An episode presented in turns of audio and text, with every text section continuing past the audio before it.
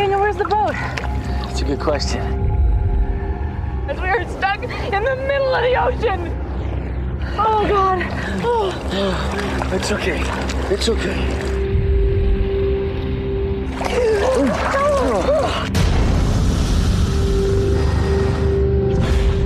This can't be happening. Oh, oh. Oh. Välkommen till Skräckfilmscirkeln. Det är eh, dags för första avsnittet i 2023 år Year of the Shark. Ja, exakt. Och här kommer en liten jingel. Baby Shark. Vi ska ge oss i kast med filmen Open Water från 2003. Man kan säga en eh, en, en film som gjorde mig väldigt eh, rädd för att eh, glömmas bort. Men det kommer vi till sen. Fredrik, hur är eh, din känsla inför ett första hajavsnitt? Hajar du det? jo då, det hajar jag. Nej, men det känns bra här ändå. Det är roligt att köra, liksom, ett, börja igång det här konceptet, The Year of the Shark. Precis som vi hade The Year of the King och Year of Dracula. Den här gången är det lite kul eftersom att vi har blandat in våra lyssnare här. Ja, i större utsträckning än tidigare ja, ska man väl säga. Eh, för det är ändå så funnits så in i bänget mycket hajfilmer. Och jag la ju ut här frågan om eh, om folk hade tips och råd. Eh, liksom filmer som vi vill höra om. Och Open Water kom ju faktiskt upp som ett förslag av eh, Sten Sundvall. Som är en trogen lyssnare och trogen eh, kommentator, eh, vad heter det, kommenterare? Ja, kommentator, kommenterare, Jajamän, något sånt. Jajamensan, stora tack där då. Uh, och uh, det, var, det, var, en kul slump för vi hade faktiskt redan beslutat den här filmen. Så dök den upp här. Ja, det är bra att, eh, att den föll, föll, föll sig tidigare. Det var en annan hajfilm innan men den kommer ju en annan gång. Men det är alltid kul när man vet att ja, men den här den måste vi se. Okej, vi inleder med den då. Så. Tack för den Sten. Eh, I vanlig ordning då. Jag tänkte, har du sett någonting intressant? Sen vi pratades vid sist. Jo då, så jag har sett en hel del här på senare tid. Eh, eh, ja, två att nämna här då. Jag har sett en som såg bra ut men som inte var det. Och så en som är genuint bra. Eh, vi börjar med den som var lite sämre där då. Eh, jag var på eh, Amazon Prime, eller Prime Video heter den väl. Eh, och där fanns det en då som heter Jack in the Box. En sån där gubben i lådan grej. Så när man spelar en melodi och sen plopp kommer det upp en liten gubbe där. Ja, just det. Den, den låter bra men eh, jag har också sett ja. den. Blä. det är blandade känslor för liksom eh, det är ju något demoniskt väsen eh, som bor i den där eh, lådan då såklart. Och designen på monstret, väldigt clownlik ändå var fascinerande och snyggt. Eh, kul grej liksom. Men så kom just den här den ganska låga budgeten som den filmen har. Eh, och ställer till det. Och det alltså, jag vill ju inte slå hårt allt för hårt liksom på, på en film att den har för dålig, alltså att det är en lågbudgetfilm. Vi kommer ju komma till Open Water här som har möjligtvis ännu lägre budget och den kommer jag, spoiler alert, prata väldigt gott om. Men den här Jack in the Box, problemet med den kändes som att det var... De hade ett kul koncept men de lyckades inte spinna ihop det till en intressant film. Och det är kanske där som är det svåra med all form av filmskapande just att ha ett engagerande story. Eh, och det var väl där det här föll på. Det kändes till slut väldigt amatörmässigt och hur de inte klarade av att bygga stämning och spänning. Och stundom lyckades de med det. Då vart filmen jättekripig, Liksom, oh, nu, nu är det mysigt värre. Men sen vart det liksom bara, nej, nu känns det som att det är skolungdomar som har gjort den här filmen. Och det, och det är väl där liksom när man känns, det finns potential här. Det, det, jag, jag ser liksom, det här kan verkligen bli en kul, liksom, ja men öl och popcorn eh, film om ett monster clown som bor i en låda där. Som kommer upp och tar livet av folk på, på ett eh, museum. Eh, och liksom, eh, sådana filmer har man sett förr. Liksom, det, det, det, är bara den här liksom, mysiga, pajiga skräckfilmen. Alla, ja men typ Leprechaun, The Relic, liksom. Dum jävla film om ett monster som tar livet av folk. Men så saknar den just den här lilla extra, liksom... Eh, kompetens är väl kanske fel att säga, men liksom det, det klickar inte. Det saknar det här sista umfet. Ja, eh, och då blir det tyvärr lite platt. Men det är som säger, jag, jag hoppas verkligen att den här filmskaparen fortsätter. Nu kommer jag inte ihåg vad regissören heter nu bara för det. Men för det fanns så stora potential och det kändes lite som att, ja men det här var liksom kanske första riktiga långfilmen man gjorde. Och med det då är det hatten av. För jag tänkte den, den film som jag tror, åtminstone som vi har avhandlat i den här podden som är det sämsta jag tycker vi har sett. Det var ju den här The 13 Friday. jag vet inte om det var ett julklappsavsnitt eller om det var ett nyårsavsnitt. Eh, du men fick den av mig i jul. Så var det ja. Och den var verkligen horribel på alla sätt. Då ingenting klaffade. Eh, och det vart liksom bara förfärligt. Och det kan jag inte säga att Jack in the Box var. För där fanns det mycket, mycket potential. Och man, man måste ju börja någonstans. Och vem är jag att sitta här och kackla? För jag har aldrig gjort en film och skulle jag göra en, ja då skulle jag ju säkert liksom producera någonting sämre än The 13 Friday. Nej men eh, på så sätt, det fanns stora potential. Men ja, nej, nej, nej. Men en, den andra däremot, som är herrejösses bra. Eh, jag har påbörjat, jag är inte klar med den, men jag har påbörjat eh, serien The Haunting of Hill House. Eh, Mike Flanagan, eh, regissören där som har gjort jättemycket Stephen King sen. Riktigt, riktigt bra film, eller serie också. Gud ja. Eh, och jag kommer ihåg, för den kom ju 2018. Och jag minns att det var, det, det vart en snackis i alla liksom eh, skräckfilmsmedier som jag följer och alla liksom bara oh, The Haunting of Hill House, herre min ge. Och hur bra det är. Den är väldigt binge-vänlig. Det är sånt man skulle kunna se, kanske inte på en hel dag, men i, med flera avsnitt på en kort tid. Gud ja. Och det, det som är för den är genuint kuslig. Och det är det som är... Den är kuslig på ett annat sätt än vad jag är van vid när det kommer till spökfilmer. För jag tycker mycket så här spökfilmer, Insidious, eh, Conjuring eh, och liknande. De använder ju väldigt mycket det här eh, man bygger spänning och sen förlitar man sig på jump scares. Det kommer ut någonting ur mörkret och bara Bäh! Eh, det, det har onekligen sin charm.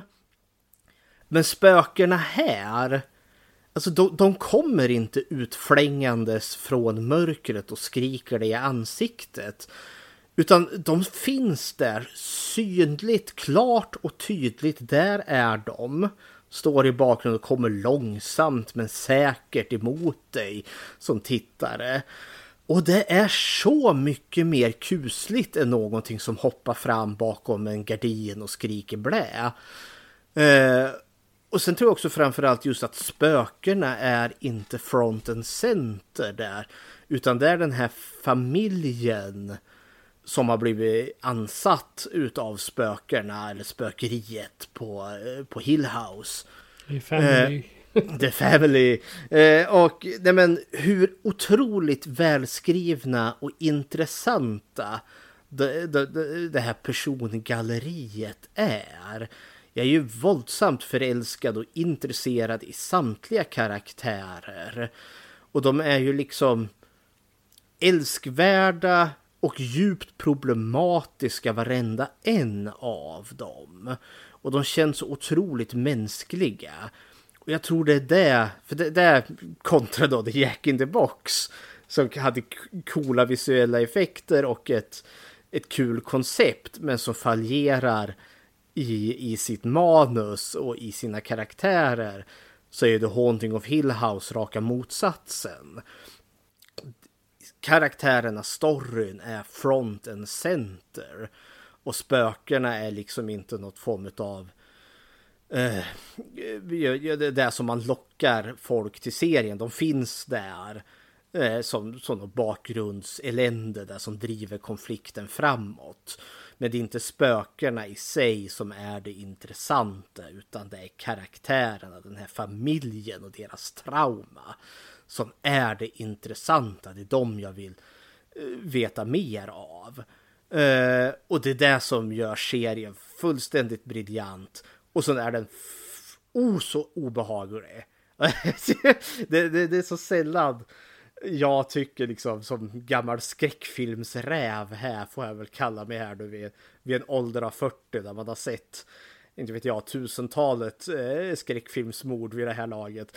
Det är sällan, sällan någonting kryper mig in under huden och får mig, alltså får de här hårstråna i nacken att resa sig. Men The Haunting of Hill House, oh, det var oh, spökelig spök, spök. Och mys på ett annat sätt. Visst, jag, jag hoppar fortfarande till vid diverse olika jump scares. Det gör jag ju när jag blir tagen på sängkanten där. Och det är kul i sig, men det är liksom en, en scare som är över på, på, på några sekunder. Medan The Haunting of Hill House bygger bara upp ett krypande obehag så jag bara sitter där. Öh, kan det inte bara ta slut?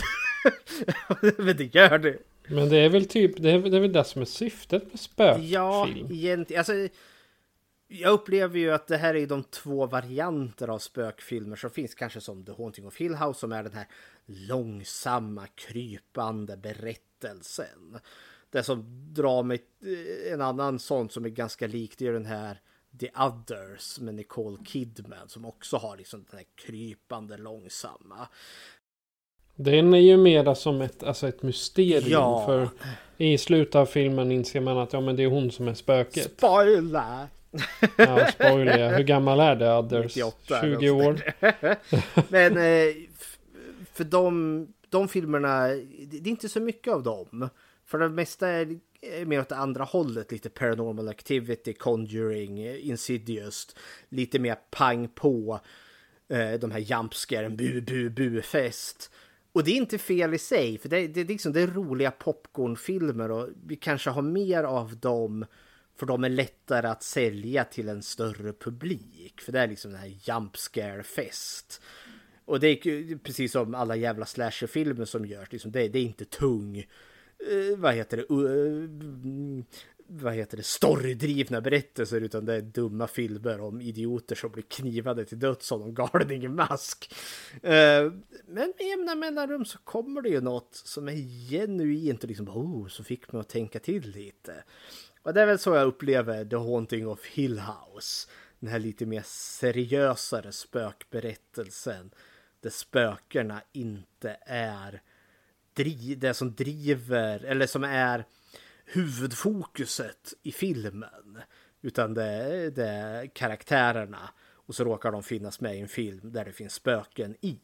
Så, mm, jag är med på hype-tåget. The hype was right. The Haunting of Hill House är en herrejösses bra serie. det är vad jag har sett. Yep. Eh, jag har varit lite dålig på att kolla på film. Jag har mest eh, kollat på tv-serier.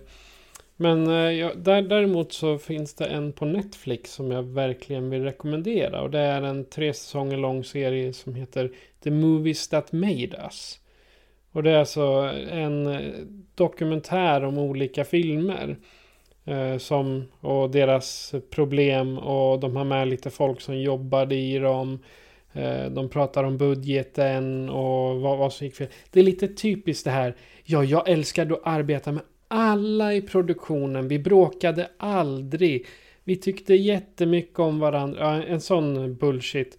Men så gör de inte här. Utan de pratar också om att ja, helt plötsligt så var vi tvungna att avsluta. Jaha, och varför behövde ni det? Vi hade inga pengar kvar. Så vi hade börjat packa ihop allting och ja, det var bland annat eh, hur de gjorde fredag den 13. De hade gjort alla förberedelser och sen när de skulle till det här sommarkollot och spela in. Helt plötsligt så ringer han eh, regissören och säger Nej, ni får plocka ihop allt, pengarna är slut. som, eh, som ett exempel, den, den berättelsen finns ju med i Crystal Lake Diaries också tror jag. Den filmen. Ja, oavsett vilket, den var, det var väldigt underhållande. För den är gjord lite i stil med, jag vet inte om du har sett Halv åtta hos mig? Ja, jo, men det känner jag, till. Ja. Mm, den är gjord lite i samma stil fast det inte är eh, Herman Lindqvist som pratar. Det är Morgan Alling är det väl som gör rösten där nu i alla fall. Eh, det är samma, samma princip, bara att kommentatorn är någon komiker. Vet jag, som berättar och sen får tar, stoppar de in från intervjuer. Mm. Som de har tagit. Och jag tyckte det var faktiskt det var intressant. Och de tog in sådana här personer som är kanske lite ovanliga att ha med. Ta som eh, ja, det är en, en stuntman som är som spelar en karaktär i stort sett hela filmen. Bara att under tio minuter så är det stjärnan som ska vara den personen. Sådana personer tog de in och folk som jobbade med dräkter och och, ja, men det, det var kul att, att, höra de historierna och sen på ett litet komiskt sätt. Mm. De var väl en sådär 40 minuter per avsnitt så det var jag, jag, hade inte, jag tittade inte ens hela tiden Nej. utan jag hade mina lurar i så jag kunde höra. Det funkade att, att lyssna på som podd också. Men det är vad jag har tittat på utöver eh, filmen idag då. Så ehm, de är ganska... jag, bakade bröd, jag bakade bröd i helgen. Det var typ mitt stora projekt. Sådana kan vara lite mysiga sådana där. Jag vet att jag såg Never Sleep Again. Det är väl dokumentären om terrorn på Elm Street franchise. Den var ju idiotlång. Typ sex ja. timmar. Men det är kul när man liksom... Ja men de här filmerna som egentligen har fått ganska mycket kritik egentligen. Det var ju skitfilmer för sin tid. Och fortfarande ja. skräckfilmer överlag så är ju något som man rynkar lite näsan åt. Kanske, kanske nu har de fått lite uppsving när vi har den här elevated horror. Eh, A24, alla de där bolagen. Uh, ja. Nej, men eh, det är kul liksom när man så kan få se liksom, ja men folk har ju faktiskt tyckt om de här filmerna. De existerar mm. av en anledning. så de pratade om uh, Terror på Elm Street och då var Robert Englund till ja. och med där och blev intervjuad. Mm. Han verkar vara en sån här riktigt älskvärd person både på skärm och bredvid. Ja, men det, det är också en bild jag har fått om att Robert Englund han är den trevligaste man som har spelat de mest otrevligaste karaktärer. Just det, han spelar eh, den här chefen i The Mangler också. Jajamensan. Ja. Mm. Tills han blir ihopvikt som ett lakan där, tack och lov. Exakt, ja. Nej, men jag, jag, jag, tycker om honom som eh, person. Alltså han var... Han, han så, såg ut att vara väldigt, som en väldigt trevlig mm. person. Jag vet, du har väl träffat honom på någon Comic Con? Ja men det har jag. jag har, han har signerat min Terrorn på Elm Street box där och så fick jag ett foto med honom. Så det finns ett foto där jag står där och ser skräckslagen ut med en skrikandes Robert Englund i, i mitt, eh, som skriker i mitt öra och så har han tryckt upp eh, Freddy-klorna eh, vid strupen på mig. Han är inte rädd för att ta för sig Nej. verkar det som. Nej men det, det, det, är så, det är så gimmick han har. Det finns jätteroliga foton med honom med, fans där då. Där han äh, står och är lite allmänt Freddy creepy. Men sen såg jag också en av eh, filmerna. Det var Roger Corman som var med också och berättade. Och han hade ju det var en sak som jag inte visste var att han hade en egen filmskola till och med. Så att det var många eh, nya uh, skådespelare eller uh, up and coming regissörer som fick sina studier finansierade av honom. Men, om, jag, om jag nu förstod det rätt. Så att han var ju inte bara en uh, B-filmskung utan han, han var ju faktiskt inne för att uh, ja, låta manusförfattare och, och regissörer alltså att utveckla sig. Roger Corman, han är ju en person som vi har skäl att återkomma till framöver. För, och han är så, han, han, nu i januari 2023, ta i trä, han, är ju fort, han lever ju fortfarande. Och han, ja. lär, och han lär ju verkligen vara liksom den sista, eller bland de sista kvarlevorna från liksom 50-talets monsterera då han började med sitt. Nej, men Roger Corman, det är en fascinerande man. Det är som säger B-filmskungen. Mm. Och han, är så här, han, han verkade också vara som när de intervjuade honom där. Liksom, han verkade så. Han verkade vara en så älskvärd person. Men sen ska man ju säga också att det här är på, på, på skärm. Det kan ju lika gärna vara att när de kliver av så säger de ah, fuck you till personen som intervjuar och går därifrån. Just när det, när det kommer till Roger Corman så tror jag inte det. För liksom det, det som har varit det samlade konsensus med den karn är att han, han, är lika trevlig som han låter. Och han, när det just kommer till Corman, det kan jag rekommendera. Bara ta någon intervju, kolla på någon intervju med honom och lyssna bara på hur han pratar. För han har liksom så silkeslen röst. jag kan liksom förstå att saker och ting blev gjort med honom. För det är liksom, det känns, han kan övertala vem som helst bara med att han låter jättetrevlig.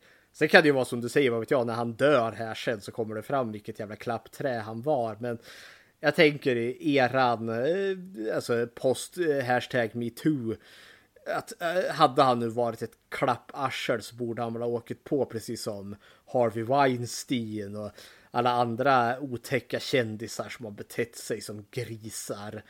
Eh, om Roger Corman hade varit denna gris då tror jag han hade åkt på vid det här laget. Så jag tror inte, jag, jag vill tro att det här är en genuint trevlig människa.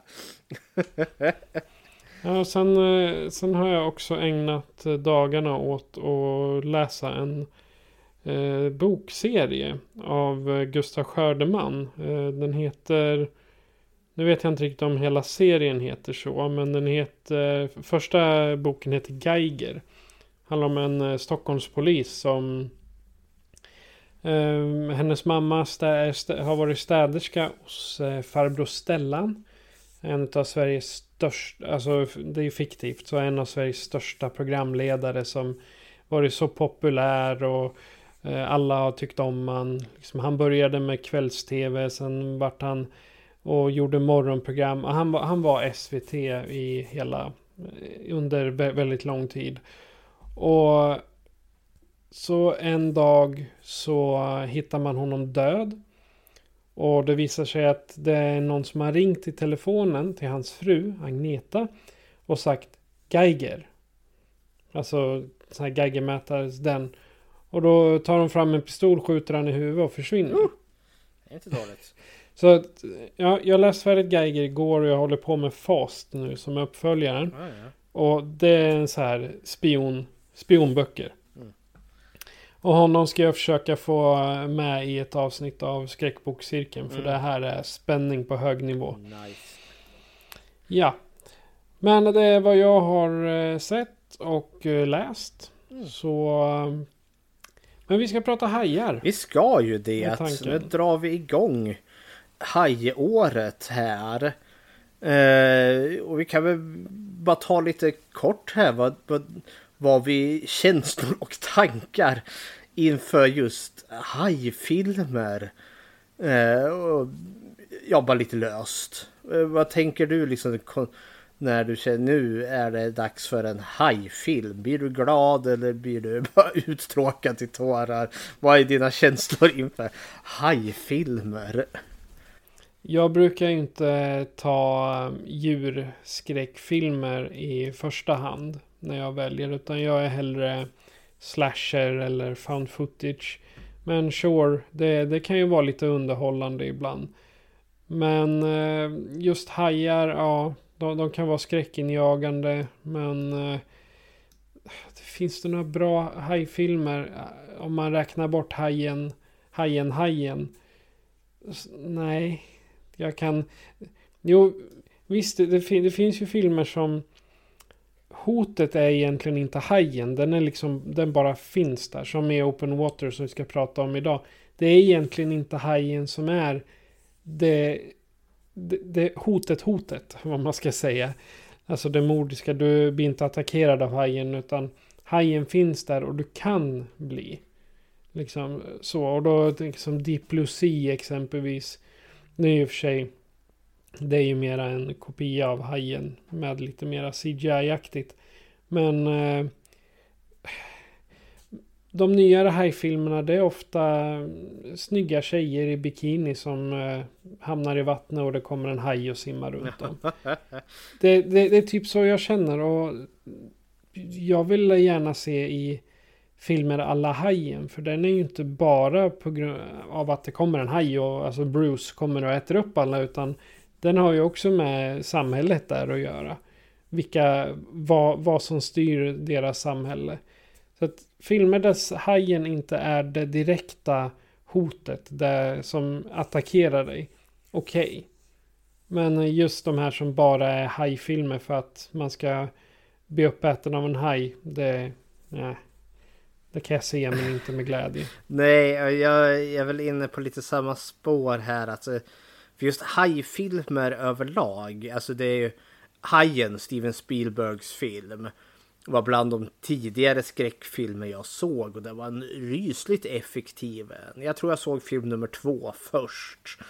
Det var ju också eh, effektfullt. Men den är ju lite mer av en slasherfilm egentligen. Men... Eh, eh, allt som oftast brukar, när det kommer till hajfilmer, eh, det brukar vara ganska pajigt. Och det är inte fel med pajiga filmer. Men just grejen om det ska bli bra, då behöver vi verkligen ha en vettig setting till varför folk är hotade av hajarna eller hajen eller vad det nu är. För allt som oftast så är det ju verkligen precis de här liksom dussinrullarna liksom ett gäng ungdomar så hoppar de i vattnet från båten och så bara finns hajen där magiskt nog och liksom bara mördar dem. Ah! Som liksom eh, omnipotent jävla all, all, allnärvarande dödsmonster som dödar allt som kommer i vattnet. För just det är ju den här premissen. Varför är folk i vattnet? För när just kommer till hajar, ja det är fan bara gå upp på torra land. Så är du, så är du klar. Så är du säker från fanskapen. Eh, och många gånger där så brukar det vara så liksom enormt. Ja, men det är lite som Jack in the Box här. Att liksom eh, det, det är som låg budget, det är dåligt skådespel, det är dåligt manus. Men till skillnad från kanske Jack in the Box som faktiskt hade en vision och vilja så är väldigt många bara nej, vi halvarslar oss fram en film för att liksom ska sälja. Och allt som oftast brukar ju en hel del vara väldigt fåniga som ja men typ Sharknado eller Land Shark eller just Sand, Sand Shark och liksom vad fan, liksom, mycket är ju liksom bara eh, ta hajen och placera den i en, i en kontext där det inte hör hemma. Eh, Sharktopus. Sharktopus. Nej, men, eh, men de är underhållande. Ja. De är inte till för att vara läskiga. Nej. Det är liksom hajar som kommer i eh, trom tromber och sandstormar. Ja, eh. och det, det, är, det är filmer som är väldigt medvetna om var de är. Det är billig underhållning. Det är ingen som försöker egentligen vara liksom nästa Spielbergs Hajen. Utan det är ju liksom öl och popcornfilmer som liksom är dum underhållning som inte lämnar något avtryck egentligen. Men då efterlyser man ju lite de här filmerna som faktiskt som man bär med sig. Och det finns faktiskt några sådana. Open Water kommer jag eh, säga är en sådan. Men majoriteten är ju inte det. Men eh, ja, eh, just det här liksom när, när, när djur attackerar det kräver liksom sin setting, det kräver liksom sitt. Och jag vill ju helst ha den mer seriösa filmen, den som kan beröra på ett annat sätt. Och allt som oftast, eh, som det när det gäller säg hajfilmer, då brukar det antingen vara liksom att, ja men, i de bra, liksom, som du säger, det är kanske inte hajen det som är det centrala, liksom, det, det, det är hotet som liksom driver handlingen, men det finns liksom en vettig förklaring till varför folk måste komma i hajens väg, som i hajen där då, sheriffen. Det ligger på hans ansvar att stoppa den här hajen som terroriserar ön. Det påverkar turistnäringen och allt vad det är. Ja, men det är borg, borgmästaren som driver på att ja. alla ska ut i vattnet. Ja, men det, det, det, finns liksom en annan kontext där. En annan variant är ju liksom att det är ett monster av något slag, som ett kemiskt avfall eller liksom något experiment. Du nämnde ju Sharktopus där liksom militären har korsat en haj med en bläckfisk och så kommer den lös och så tar den livet av folk. Eller så är det den här medvetet dumma filmen Sharknado. Det är liksom, eller Land Shark. Jag hittar ju Sand, Sand Shark. Jag hittar ju en som jag skickade till dig bara för att det var dumt och kul. Och Shark of the Corn. Alltså spin på Children of the Corn fast nu är det hajar i ett majsfält istället. det är liksom, då är det, Steve, uh, Stephen Kang. St uh, Stephen Kang. och det är liksom, då är det komedi. Eh, där hajen då liksom får Alltså, inte alls, över, skulle inte alls vara förvånad om det finns liksom hajar som hoppar upp i toaletter och biter folk i röven eller något sånt där. Det är liksom, det blir, hajen blir liksom punchline, det blir liksom bara, bara ett skämt. Men det är typ de tre som, liksom om man skulle kvalificera in de här, liksom de, de seriösa hajfilmerna, eh, som handlar om lite mer än bara hajen. Och sen har vi liksom mutantmonsterhajen som hotar ett samhälle. Och sen komedierna. Och that's it. Men vi har ju, vi inleder ju här då med en väldigt seriös eh, sådan. Eh, ja, så. Jag, jag försökte hitta lite om bakgrunden mm. till, till den här för att liksom vi skulle prata om. Jag hittade, alltså jag, jag var så osäker på vilken det är. Men jag vet vi har pratat om den här på skräckfilmscirkeln en gång om jag inte har helt fel. Ja, vi har nämnt den på studiecirkeln här på ABF. Ja. För det här ja, är ändå... för jag, vet, jag vet att du drog historien då. Ja. Kan du den fortfarande? Ja då, jag har förberett lite här. För det här är ju en, den, den här är ju baserad eller snarare inspirerad får man väl säga utav sanna händelser. Eh, som då ligger till grunden för manuset till den här filmen. Och då kan ju det vara lite spännande. Vad var det som hände på riktigt? Eh, och då är det ju då ett par som heter då Eileen och Thomas Lonergan. Eh, och eh, som då var ute på en semester i Australien, där i Queensland. Eh, de bodde i eh, Louisiana i Amerika. Eh, Tom var kemist och Eileen hon var lärare men också volontär mycket på sin fritid. Hon arbetade mycket med eh, Eh, arbete för utsatta människor, mycket fattigdomsbekämpning och liknande. Eh, och eh, de var på semester då i januari här, den 1998.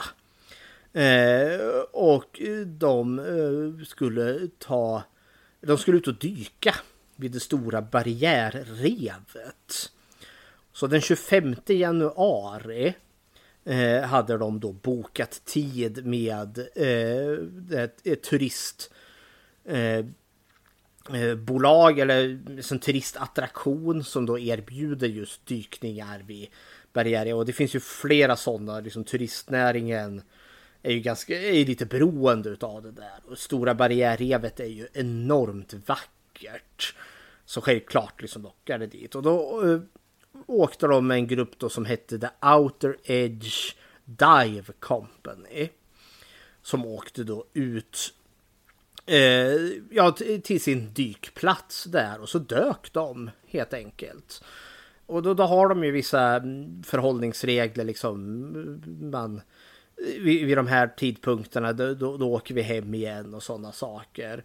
Så liksom folk skulle vara tillbaka till båten tills dess. Men det sker något form utav förväxling, ett misstag händer.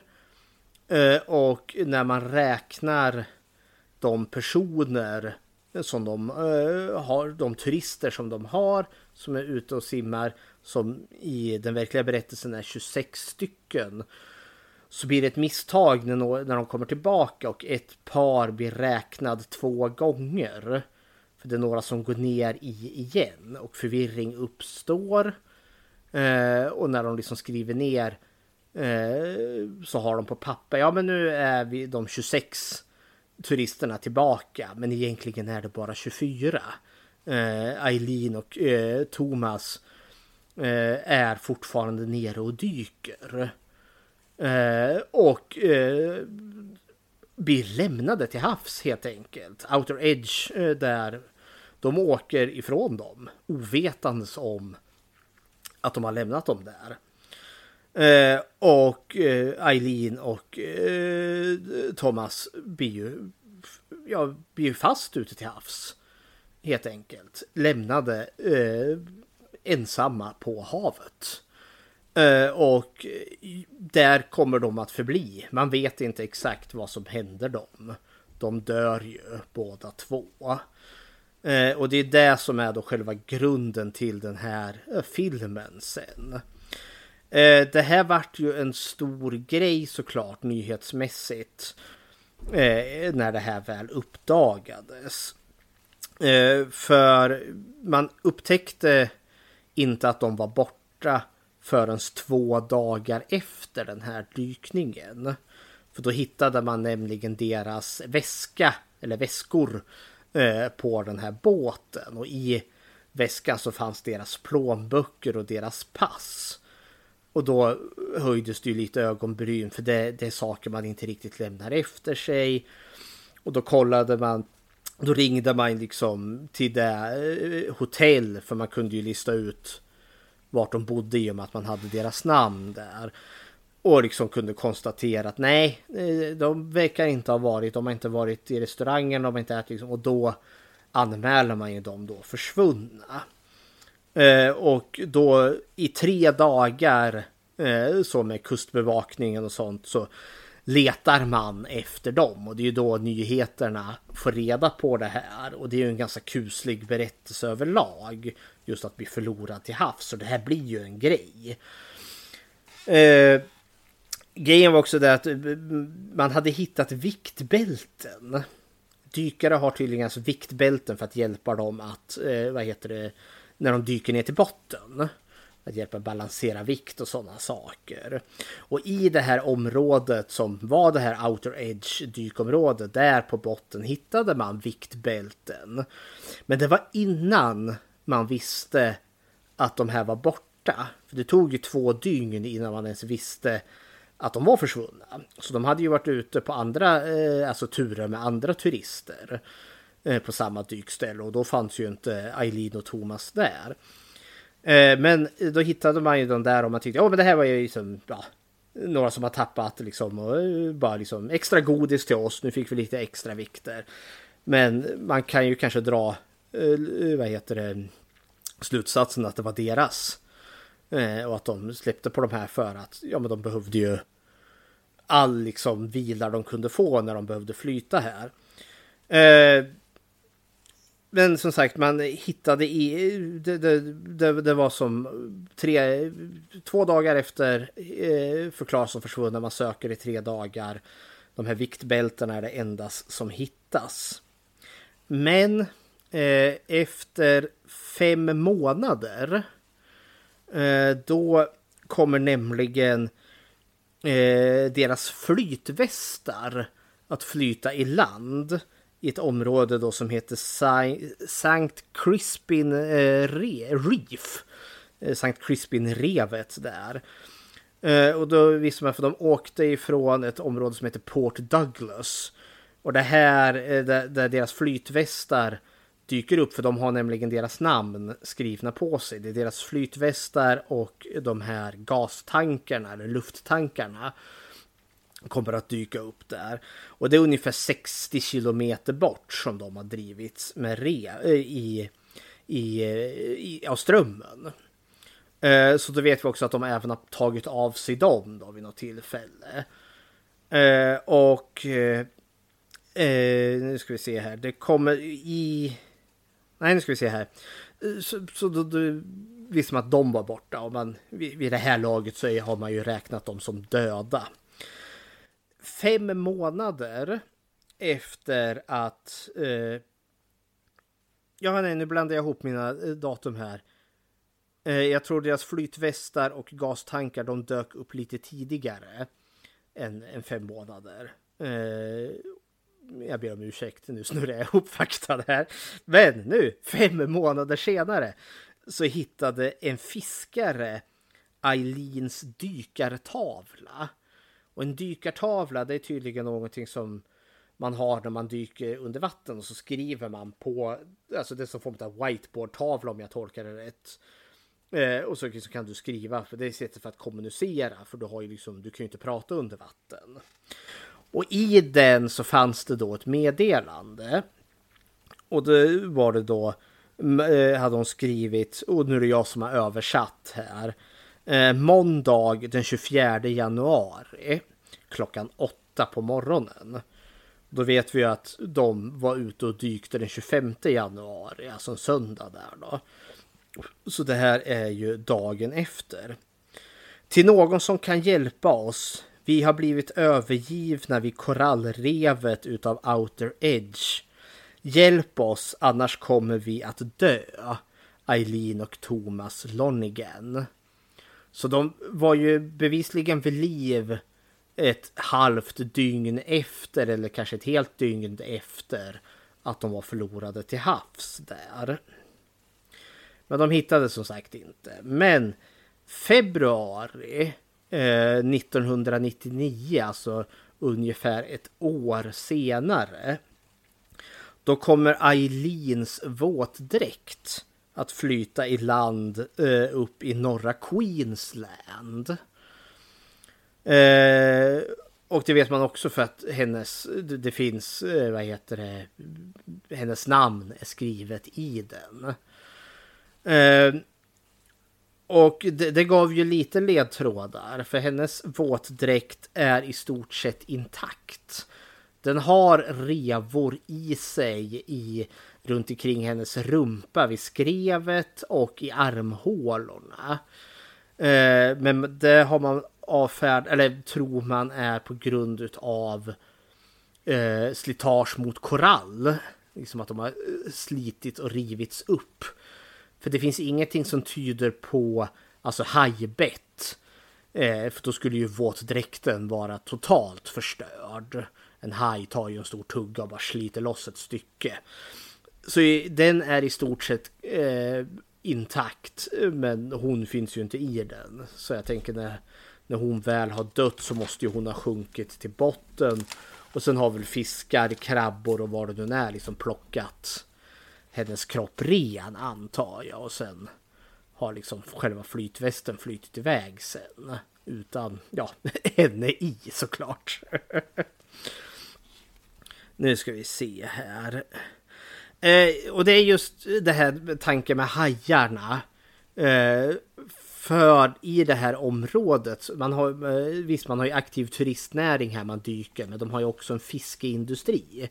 Och just här 98 där hade fiskarna rapporterat om att eh, det var ett osedvanligt stort antal tigerhajar eh, i området, vilket hade orsakat problem i deras fiske för tigerhajarna eh, åt väl upp mycket fisk eller skrämde bort fiskstimmen eller så fick de i en tigerhaj i nätet och det var problematiskt.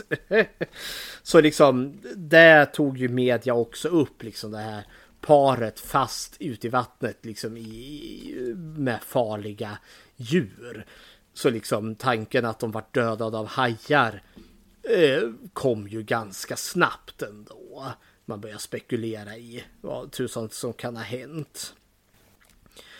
Eh, det kommer ju att bli en rättegång här mot Outer Edge eh, och mot dess ägare Jeffrey Jäknarin. Eh, just för att de hade misskött det här. De glömde ju dem ute till havs. Eh, och han vart också dö eller, eh, misstänkt för dråp. Han har vållat deras död här. Eh, men den här rättegången Eh, kom att eh, ja, kasta lite nytt ljus här. Det kommer komma lite tråkiga teorier. För man, eh, som sagt, man har ju aldrig hittat dem. Men de är, ju, de är ju döda såklart. Men man hittade, men när det här liksom rättegången blev så började man ju undersöka. Och då både Eileen och Thomas hade, de skrev dagböcker. Och i dem så går det att läsa att Thomas, han, han var nog ganska deprimerad. Och Eileen trivdes inte på sitt jobb. Det var mycket som var liksom, det var problematiskt i deras tillvaro. Eh, och Thomas hade nog skri- uttryckte eh, väldigt liksom depressiva tankar som gick att föra till, ja men tänkte han i suicid, alltså självmord. För det var mycket så här att, nej men livets meningslöshet och liksom förberedde sig liksom kanske för livet efter detta. Mycket övergången från detta liv till nästa liv var det mycket han skrev om.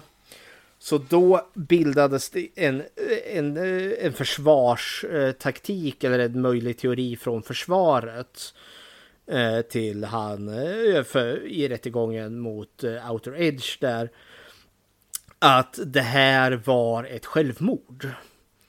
Eh, de, de vart in, alltså de medvetet eh, dröjde sig kvar eh, för att sen dö ute till havs.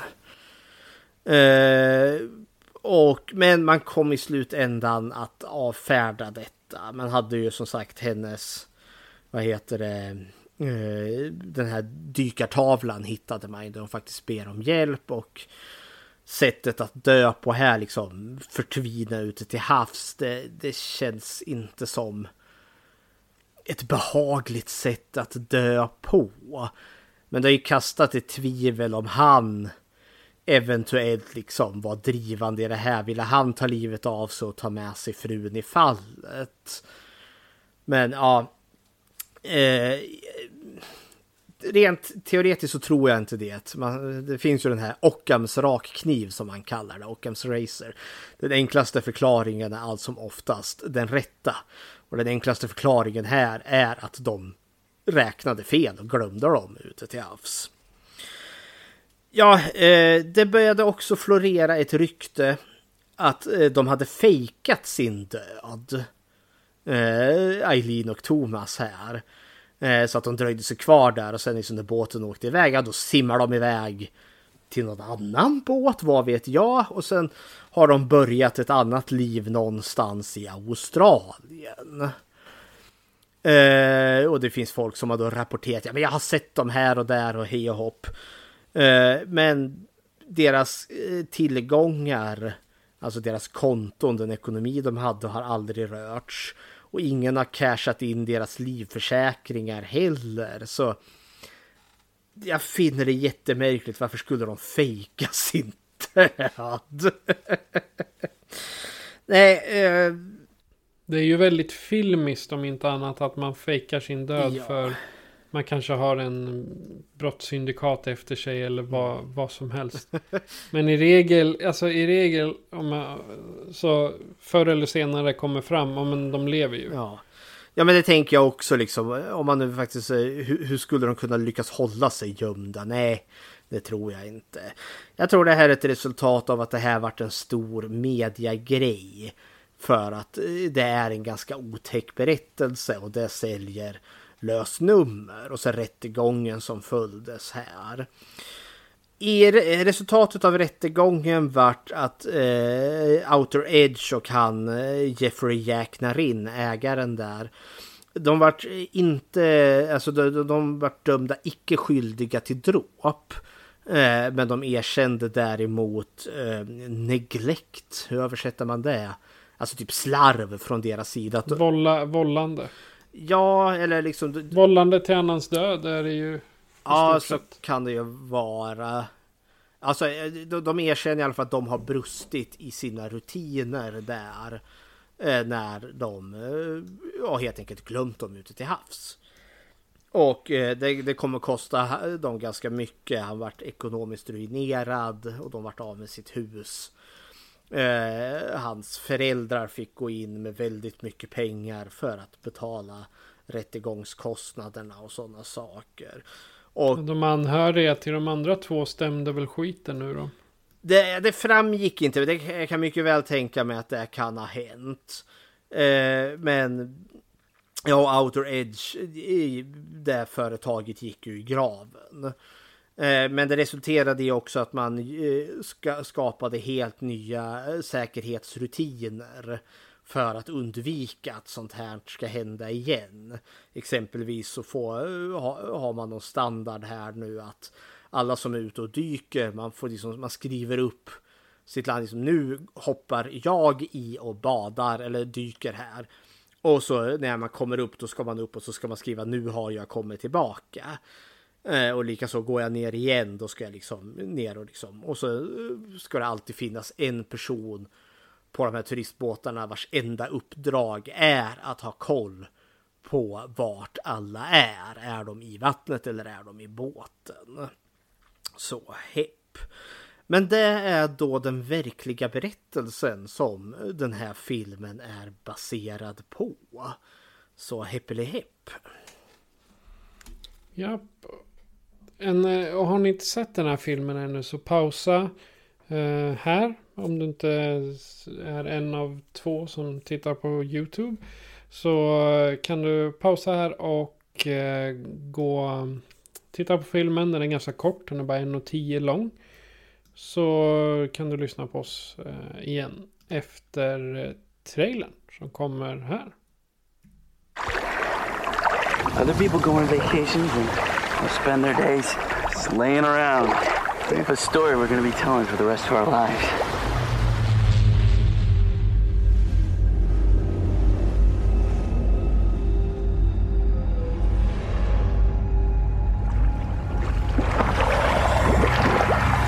Daniel, where's the boat? It's a good question. As we are stuck in the middle of the ocean. Oh God. Oh. It's okay. It's okay.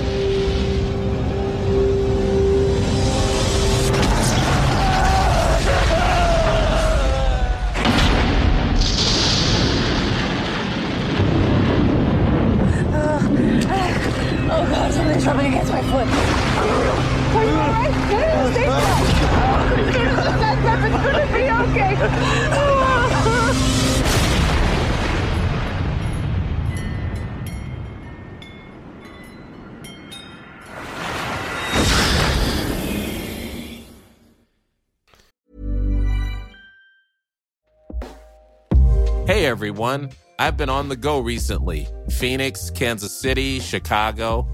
If you're like me and have a home but aren't always at home, you have an Airbnb. Hosting your home or a spare room is a very practical side hustle. If you live in a big game town, you can Airbnb your place for fans to stay in.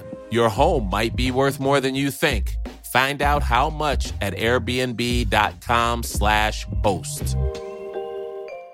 As a person with a very deep voice, I'm hired all the time for advertising campaigns. But a deep voice doesn't sell B2B, and advertising on the wrong platform doesn't sell B2B either. That's why, if you're a B2B marketer, you should use LinkedIn ads. LinkedIn has the targeting capabilities to help you reach the world's largest professional audience. That's right, over 70 million decision makers all in one place. All the big wigs, then medium wigs, also small wigs who are on the path to becoming big wigs. Okay, that's enough about wigs. LinkedIn ads allows you to focus on getting your B2B message to the right people. So, does that mean you should use ads on LinkedIn instead of hiring me, the man with the deepest voice in the world? Yes. Yes, it does. Get started today and see why LinkedIn is the place to be to be. We'll even give you a $100 credit on your next campaign. Go to linkedin.com slash results to claim your credit. That's linkedin.com slash results. Terms and conditions apply. Det här är den verklighetsbaserade historien om Susan och Daniel som glöms efter en dykutflykt. Fast på öppet hav tappar de hoppet i takt med att mörkret faller och hajarna börjar cirkulera. Det är egentligen svårt att leta upp en plott till någonting som bokstavligt talat har hänt. Ja, eh, det var du som eh, tipsade om den här innan vi pratade, innan vi såg att Sven tyckte vi skulle se den. Jajamän. Eller Sten, förlåt, Sten. Eh, hur kom du i kontakt med den här? Den här filmen, eh, första gången jag såg den här, det var ungefär, jag tror i samma år som den kom, 2003 eller om det är 2004, för det brukar ju ta lite längre innan vi får filmerna här. Eh, nej men det var det- hajfilm, kul, eh, tänkte ju jag. Eh, och jag tror första gången jag såg den var kanske när den gick på tv. Hos en, hos en kamrat som hade TV1000. Eller när, när det begav sig på den tiden. Eh, och jag fick honom att, ge, att filma den åt mig. Eh, så jag kunde sitta och titta. Och den var bra jävla kuslig den här filmen. På ett helt annat sätt än vad jag var van vid. Det här är ju innan Sharknado, hajar i majsfält och alltså innan liksom hajarna blir parodi. Eh, eh, så den här filmen, ja den tog mig med storm. För det här var verkligen en film som kröp mig in under skinnet. Och jag vet att det här var också en film som jag tittade tillsammans med mina föräldrar när man fortfarande bodde hemma där strax efter gymnasiet. Och de var också ganska hooked liksom med i den här filmen. För det känns som att det här är en film som jag liksom man behöver inte nödvändigtvis vara liksom en skräckfilmsentusiast för att se. Men det är liksom den nivå utav skräck den här filmen producerar är en helt annan än liksom zombie, vampyr, eh, slasher. Det, det, den har en nerv i sig som var jäkligt obehaglig och som har fått den då att stanna i mitt minne. Så det här är en film som jag återvänt till många gånger. Eh, så, så därför kändes det väl liksom lämpligt när vi skulle inleda 2023 här. Eh, The Year of the Shark. Att vi börjar med en ganska bra en. För det kommer inte, vi kommer inte ha fortsatt kvalitet i alla hajfilmer som vi kommer se, det kan jag avslöja. Men det, det, det är min, liksom, det, det- började som en eh, VHS-kopia eh, från TV1000. Och, och sen vart det DVD här och eh, jag är väl, nu när jag sett om den så börjar jag känna ah, att man kanske ska uppgradera till Blu-ray också. Så ja, vad är din relation? När sprang du? När, när vart du förlorad till havs första gången? Ja, det började ju någon gång där på ja, 1986 där när, när jag föddes. Nej, Skäm, skämt åsido. Men den här, jag har sett den två gånger innan. Och en gång så var det på tips efter att vi pratat om det i skräckfilmscirkeln. Och sen, eh, men då insåg jag att jag hade sett den innan dess. Och det var under den perioden eh, när jag var sjuk mycket. Som jag, jag har ju epilepsi och jag hade, jag var, ibland kunde jag ligga däckad i veckor. Bara för att. Och då var det mycket film. Och jag kände igen den här från den tiden när det var som värst. Då kom den Open Waters. Det stod hajar i beskrivningen. Och det var också något sånt där. Då hade jag en låda ifrån Boxer. Så här inspelningsbar tv-box. Med 256 gigabyte. Det gick in alltså fyra dygn av filmer. Och det, man klickade bara i att jag vill spela in den och den filmen så gjorde den det automatiskt. På tre kanaler samtidigt till och med. Så vet, ja, det var high tech här. Vet du. Ja, så, men oavsett vilket så eh, var det där jag såg den eh, först. Och jag vet, den är ju alltså om man inte är eh, intresserad av slow burn filmer så är ju inte den här någonting att se på. För den är väldigt långsam. Men den är också väldigt creepy. Mm. Så att jag tror första gången var jag nog ganska... Åh, vilken långsam film. Var kommer hajarna? Var kommer monstren? Men eh, så... Ja, vad var det? Det kanske andra gången jag såg den. När vi pratade om den på skräckmusiken. Då började jag uppskatta den. Mm. Det är inte den bästa filmen som är based on a true story. Ish jag har sett. Men visst den är... Ja den är för jävligt läskig vill jag. Jag vill eh, sträcka mig så långt att jag svär på det. Det, är man, det, det blir en, en sån här grej. Att, att bli bortglömd. Att folk glömmer bort att man existerar. Det är ju en mardröm i sig. Och den här filmen är ju lite svår att diskutera jätteingående. För det är ju typ bara två, två karaktärer med. Ja, vi har en väldigt liten ensemble när det kommer till just karaktärer. Det är ju, vad heter den, Susan Watkins och Daniel eh, Kintner. Ja, he- heter karaktärerna. Skådisarna heter Blanchard Ryan och Daniel Travis. Ja. Eh, ingen av dem har gjort någon direkt eh, karriär. Nej. Om man ska säga. Eh, hon, uh, vad, heter, vad heter hon nu då? Blanchard. Hon har varit med två omgångar i Orange is the new black. Det är typ allt. Och sen några små, små roller.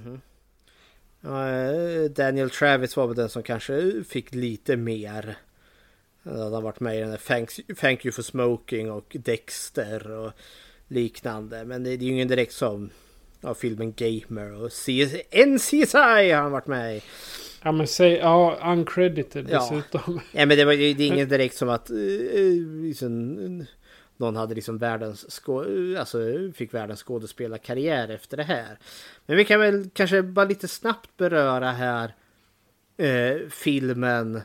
Alltså, för det här är ju verkligen en independent film. Alltså en riktig lågbudgetfilm. Gjord utav, nu ska vi se, Chris Kentis och hans fru Louise Kentis. Har jag för mig att hon hette. Eh, Eller heter. Eh, Chris, Ken, Chris Kentis står som regissör Ja. och eh, skribent. Men Ja, ja, hon, hon fanns med, jag, jag kollade lite på extra materialet på min DVD. ah, och, och, okej, du har ju en sån. Jag har ju en sån. Och hon, hon fanns onekligen med, men hon är väl mer kanske liksom som producent och liksom mer, hon, hon har onekligen varit delaktig i, i skapandet utav den här filmen. Men för det är verkligen, alltså den här filmen är inspelad på deras fritid egentligen.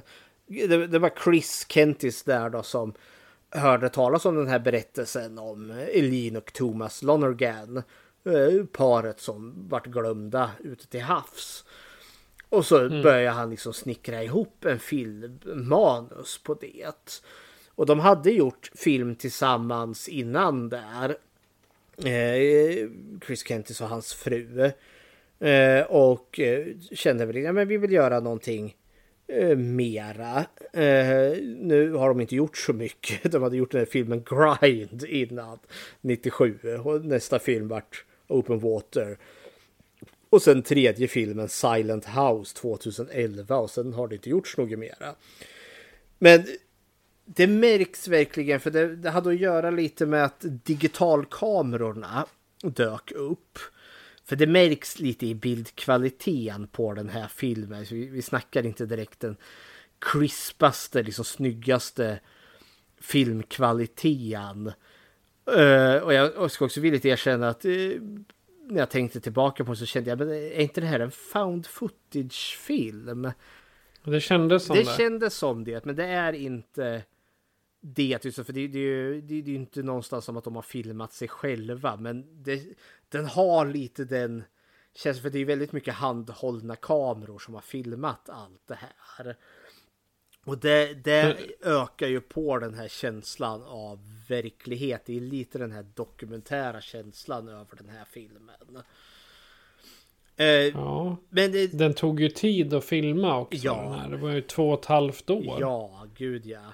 För de liksom... Sa de hur många timmar de hade spenderat i vattnet? Eh, nej, det är inte, inte vad jag kommer ihåg i alla fall. Närmare 120 timmar. God är... Och vad är det? Det är 50 dagar. ja, för de har ju filmat väldigt mycket så här, så på helger och på, på, eh, på, le, på, på semestrar och eh, lediga dagar. Liksom då har de ju knåplat ihop den här filmen. Så det, det är ju stor jävla respekt också. Men sen var det ju de här eh, skådespelarna då som spelar Susan och David här. Alltså eh, no names okända skådespelare innan den här filmen. Gjorde det därför liksom man kan göra en sån här film under så lång tid. Men också att allt är ju gjort praktiskt. Det är ju inga jävla digitala effekter i den här. Hajarna som vi ser simma förbi dem är riktiga hajar som simmar förbi ert hav. Och det är liksom så här, åh, nej gode gud. De hade någon så här eh, typ ja, nätbrynja under, bad, under dräkterna. Ja, det hade. Alltså, Det, det, det, chain mesh. där. chain mail. Ja. Det är Skydds, skyddskläder i alla Ja, fall. men det, det fanns ju liksom lite säkerhet. Det är därför det blir en, det blir en plot point i filmen. Där de säger ja, oh, vi har ju handskar, ta på dem.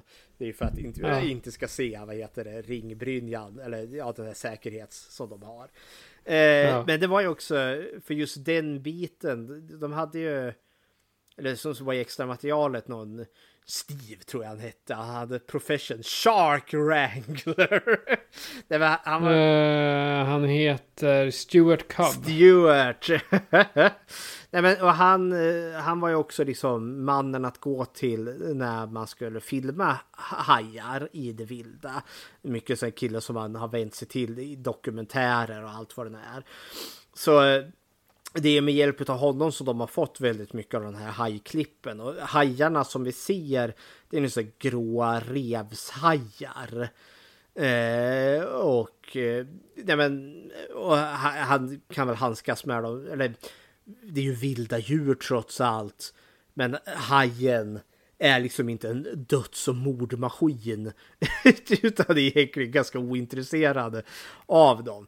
Grejen är hur de fick de här klippen med hajarna som bara svischar förbi. Liksom man ser fenan komma upp i vattnet. Bara plaska till i närheten av dem.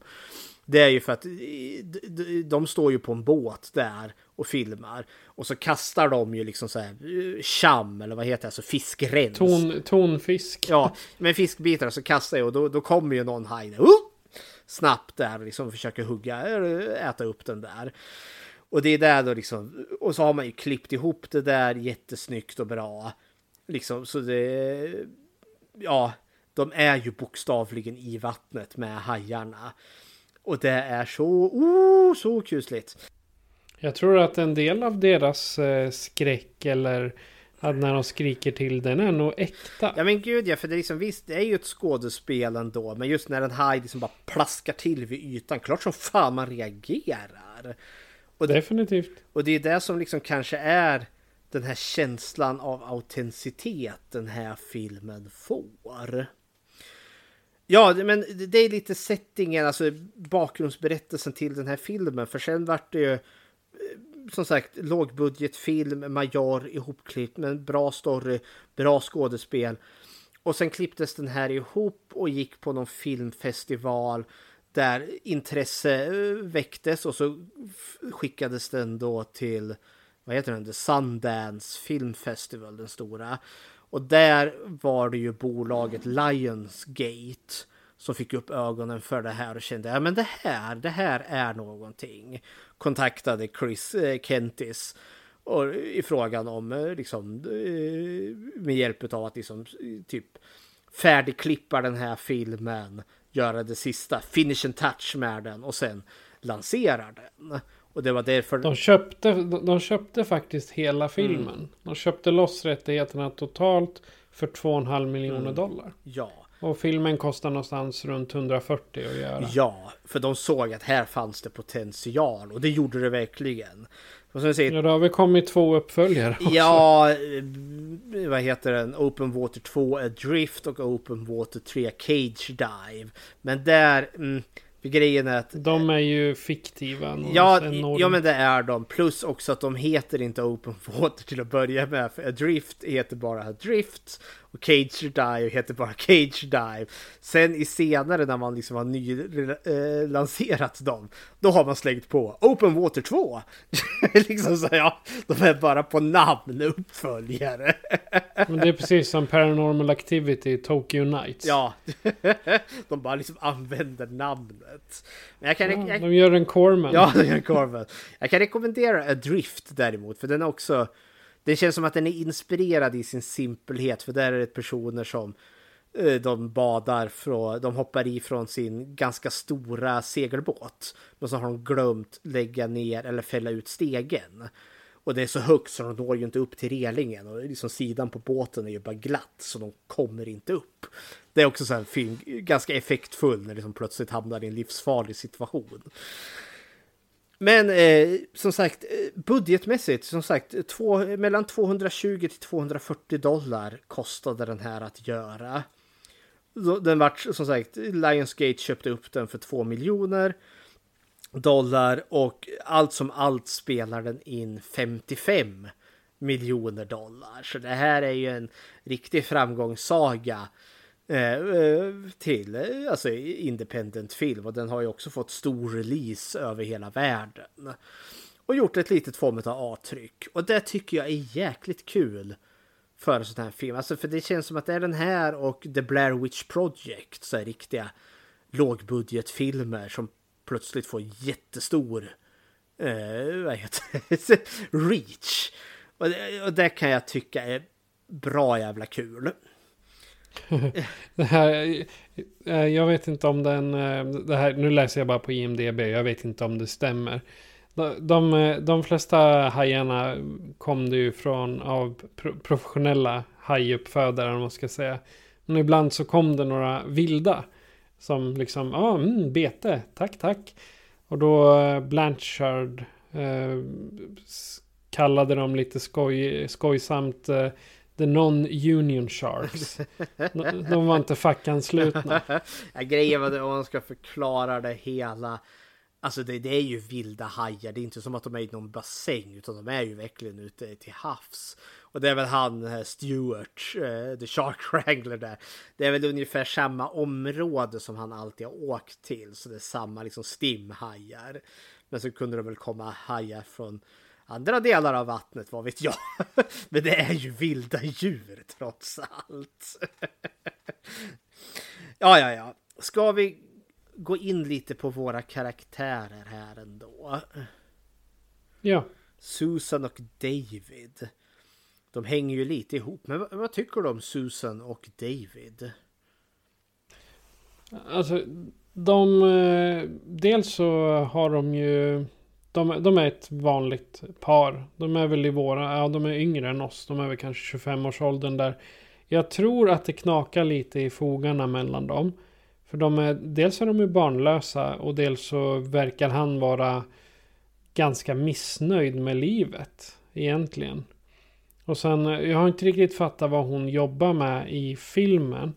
Men det känns som att hon eh, har varit tvungen att ställ, stänga in flera eller ställa in flera resor på grund av sitt jobb och sen har det här blivit en sista minuten bokning Ja. typ. Ja, men så, så tolkar jag det lite också liksom som att det här det finns något som är lite ansträngt i deras relation. Och det här kan ju vara en återkoppling till det verkliga fallet. Eh, Men det känns inte som att eh, det är inte så ansträngt som att liksom nu är skilsmässan står inför dörren. Utan det är snarare ansträngt att de båda två är ganska överarbetade. De är i desperat behov utav en semester, liksom ett behov av att liksom bara få släppa allting och åka iväg. Och vi förstår ju lite senare att det finns tydligen en planerad semester som de skulle ha sen. Det här är liksom en sista minuten grej. Vi bara måste härifrån. Här och nu. Jag vart heller inte riktigt klok på vad hon arbetar som. För hon sitter ju i början när de ska i bilen där så blir hon ju bombarderad med telefonsamtal. Men jag tolkade det som att det är någonting inom nöjesindustrin. För hon pratar ju om uh, the, mm, the artist has not shown up. Eh, eller liksom de som ska spela, uppträda har inte dykt upp. Eh, förstår jag liksom eh, kontentan utav hennes samtal där med den här personen. Men är hon någon typ av eventplanerare? Ja, då, något sånt. Skapar event eller? Eller en producent av något slag. Ja. Så det, är liksom, det här är personer ändå så som... Jag tänker att de är ganska framgångsrika. Jag tror båda två har framgångsrika men ganska krävande jobb. Och jag tänker att det skvallrar väl om att båda två sitter i ganska ledande positioner. Ja, de är nog inte eh, markarbetare. Nej, det, känner, det, är de som dirigerar jobben i stort sett. Så, men de verkar inte så ganska alltså, kärleksfulla ändå. Det finns bra kemi de sinsemellan. Det känns som att det verkligen är ett, ett par som har hängt ihop under en ganska lång tid och båda två är ganska drivna vinnarskallar tänker jag. Eh, och båda två gillar ju att dyka här då såklart. Eh, så liksom det, det, det, finns liksom människor som är lite, lite drivna här. Men sen känner jag att det är ju han, eh, David, som kanske är den dominanta utav, eller den mer dominanta. Han är den mer, han är den som liksom, det är mycket sker på hans initiativ och så följer hon med lite. Hon vill nog lite också men det är kanske inte så mycket hennes idéer som kommer i första hand utan det är hans idéer som kommer i första hand om jag tolkar det rätt. Det är ju lite, alltså man, man får ju egentligen inte något direkt svar på de frågorna. De, dels så håller de ju på och skriker åt varandra ute i vattnet. Bara, ja, men vad, jag vill åka skidor och ja, du tvingade och sen skäller han ut henne för att hon tv tvingade fram den här semestern. Liksom, eh, men det är ju det, det, är ju en sak som människor gör under press. Alltså de hittar en syndabock. Ja, jag tycker det funkade bra. För visst, det kommer ju det är en bit där då liksom. Eh, eh, jag tror de nämner något tidsmässigt. när de.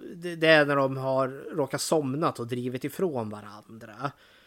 Eh, och så, liksom, så går känslorna överstyr där. Han skriker ut i tomma, i tomma intet. Där skriker ut sin ilska och frustration.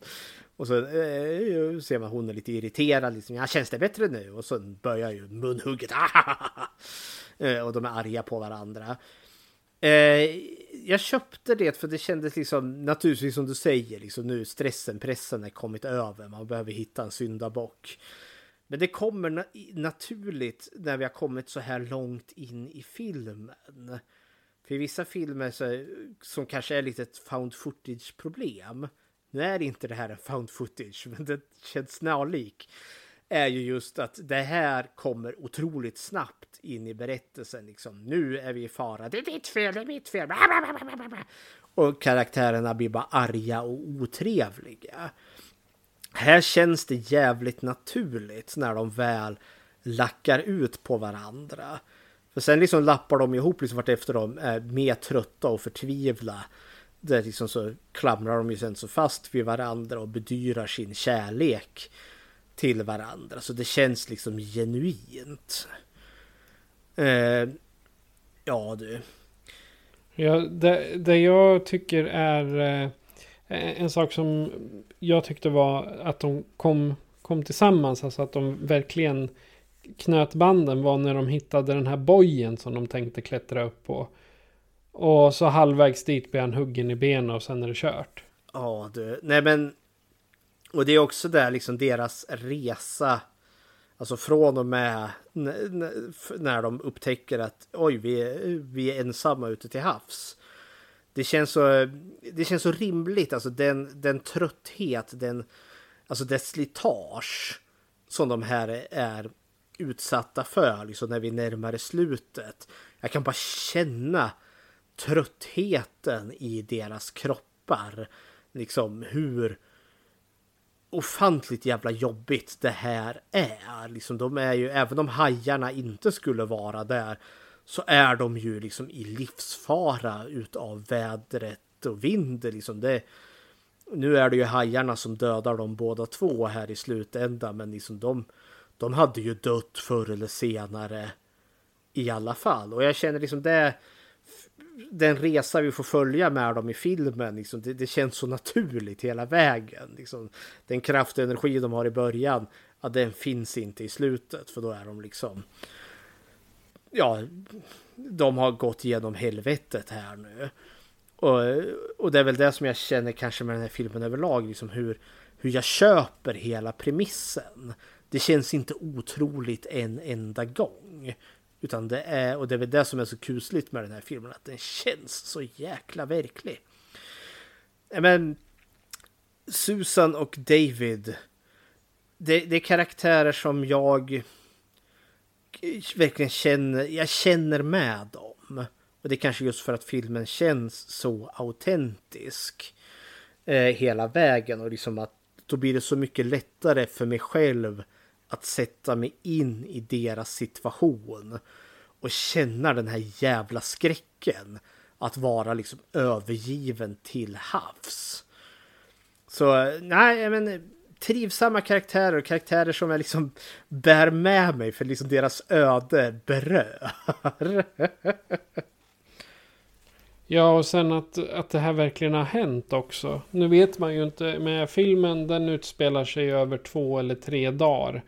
Så vitt jag kan se. Och jag kan ju säga att de borde ju ha varit död efter dag två. Med tanke på att de inte har något vatten att dricka.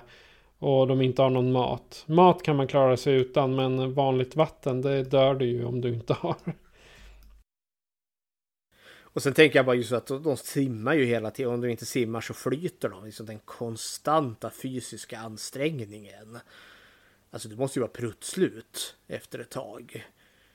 Ja, du kan ju ligga och flyta i, i vattnet utan att göra någonting. Det, då, så vilar du ju, men då är det risk att strömmen drar med dig ja, istället. Och det är det som händer. Vilket de gör. Ja, strömmen drar ju iväg dem i den här filmen. Ja, kära. Nej men... Eh, eh, bra karaktärer.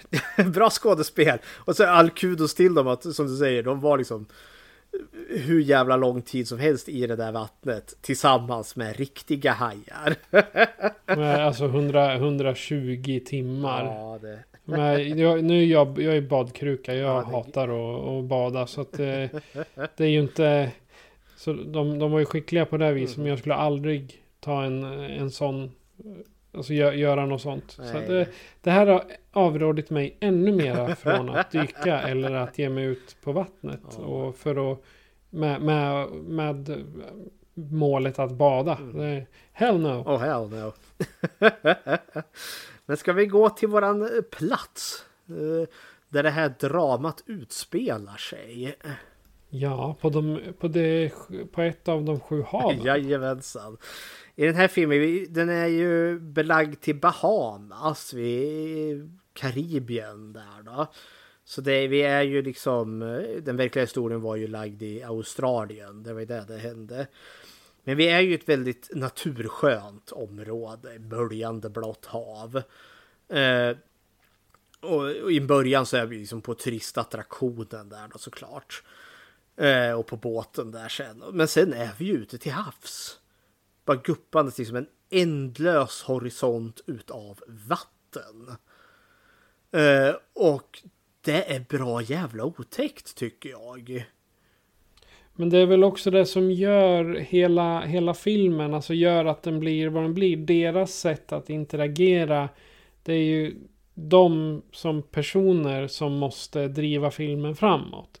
Det går liksom inte att ha att omgivningen gör det, utan det är genom deras reaktioner och de eh, logikerna, höll jag på att säga, replikerna de har och hur de framför dem. Det är det som gör att filmen flyter. Ja.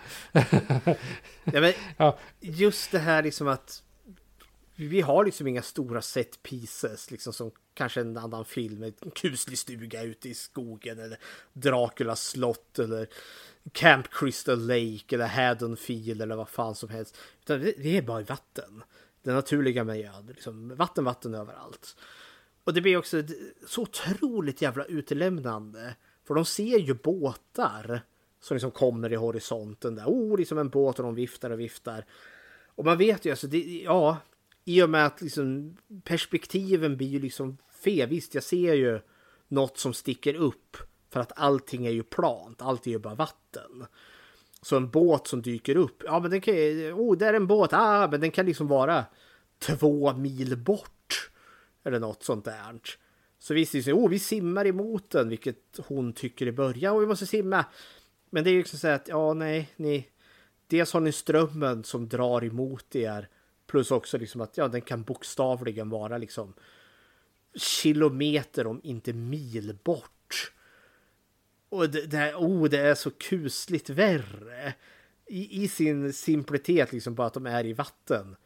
Är också kusligt. Men sen också just där att de bokstavligen är i vattnet.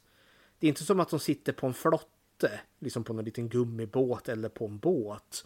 Utan de är bokstavligen i vattnet. Det finns Vad är den den heter? Är det The Shallows? Hon som blir eh, fast ute på en boj. Ja. Som också är lite verklighetsbaserad. jag, jag tror inte den är så verklighetsbaserad. Men det, där har det Inspirerad. Också, där har det ju verkligen alltså hon. Först är hon väl fast på ett litet korallrev och sen i slutet där är hon ju på en sån här livboj. Det finns ju åtminstone den lilla tryggheten. Hon har den här lilla ytan där hajen inte kan komma åt henne. Så det, det blir ju lite så här källa till trygghet. Här finns ju inte den för de är ju liksom i vattnet hela tiden. Hon säger något där, Susan, vid något tillfälle som jag också tycker är kusligt som jag kan känna igen. Liksom, oh, jag, jag, jag hatar att inte veta vad som finns under mig. Sitter jag i en båt eller står jag på en boj eller på ett litet korallrev där, ja då har jag ju någonting under mig. Inget kan komma upp bakom mig och bara ta mig i, i överraskning. För jag har ändå så något som skiljer mig från vattnet. Det har vi inte i den här filmen och det känns så, oh, så obehagligt.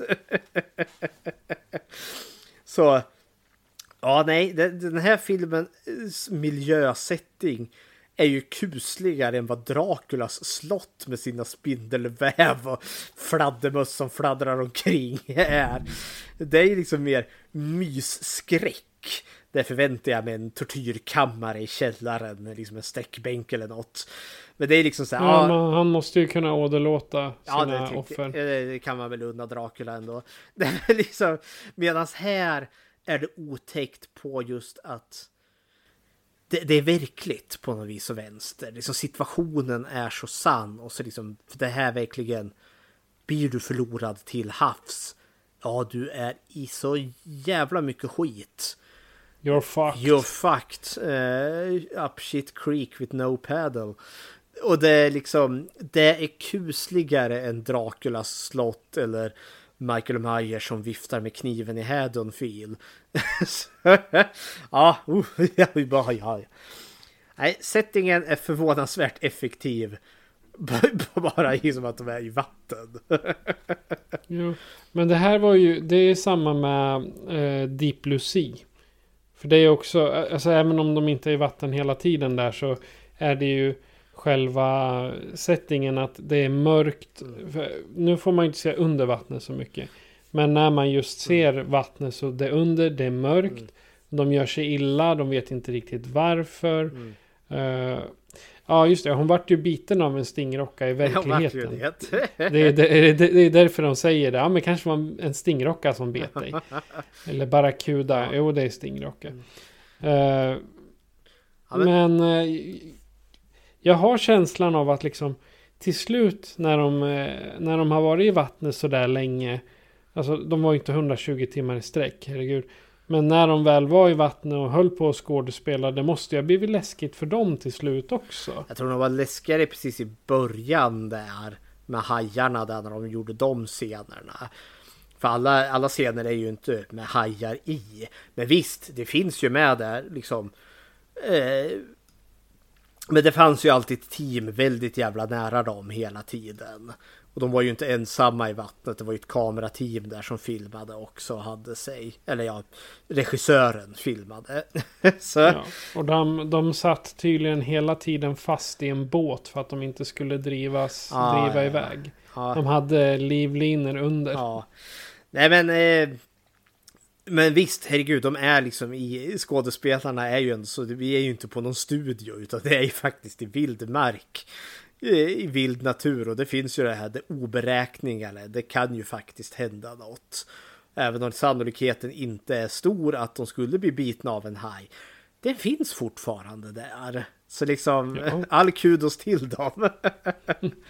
Men jag, jag, jag tänker att den här är lite i stil med den, den sista färden. För om man räknar bort eh, de våldtäktshillbillyerna. ja, Ja men det, det är verkligen det här.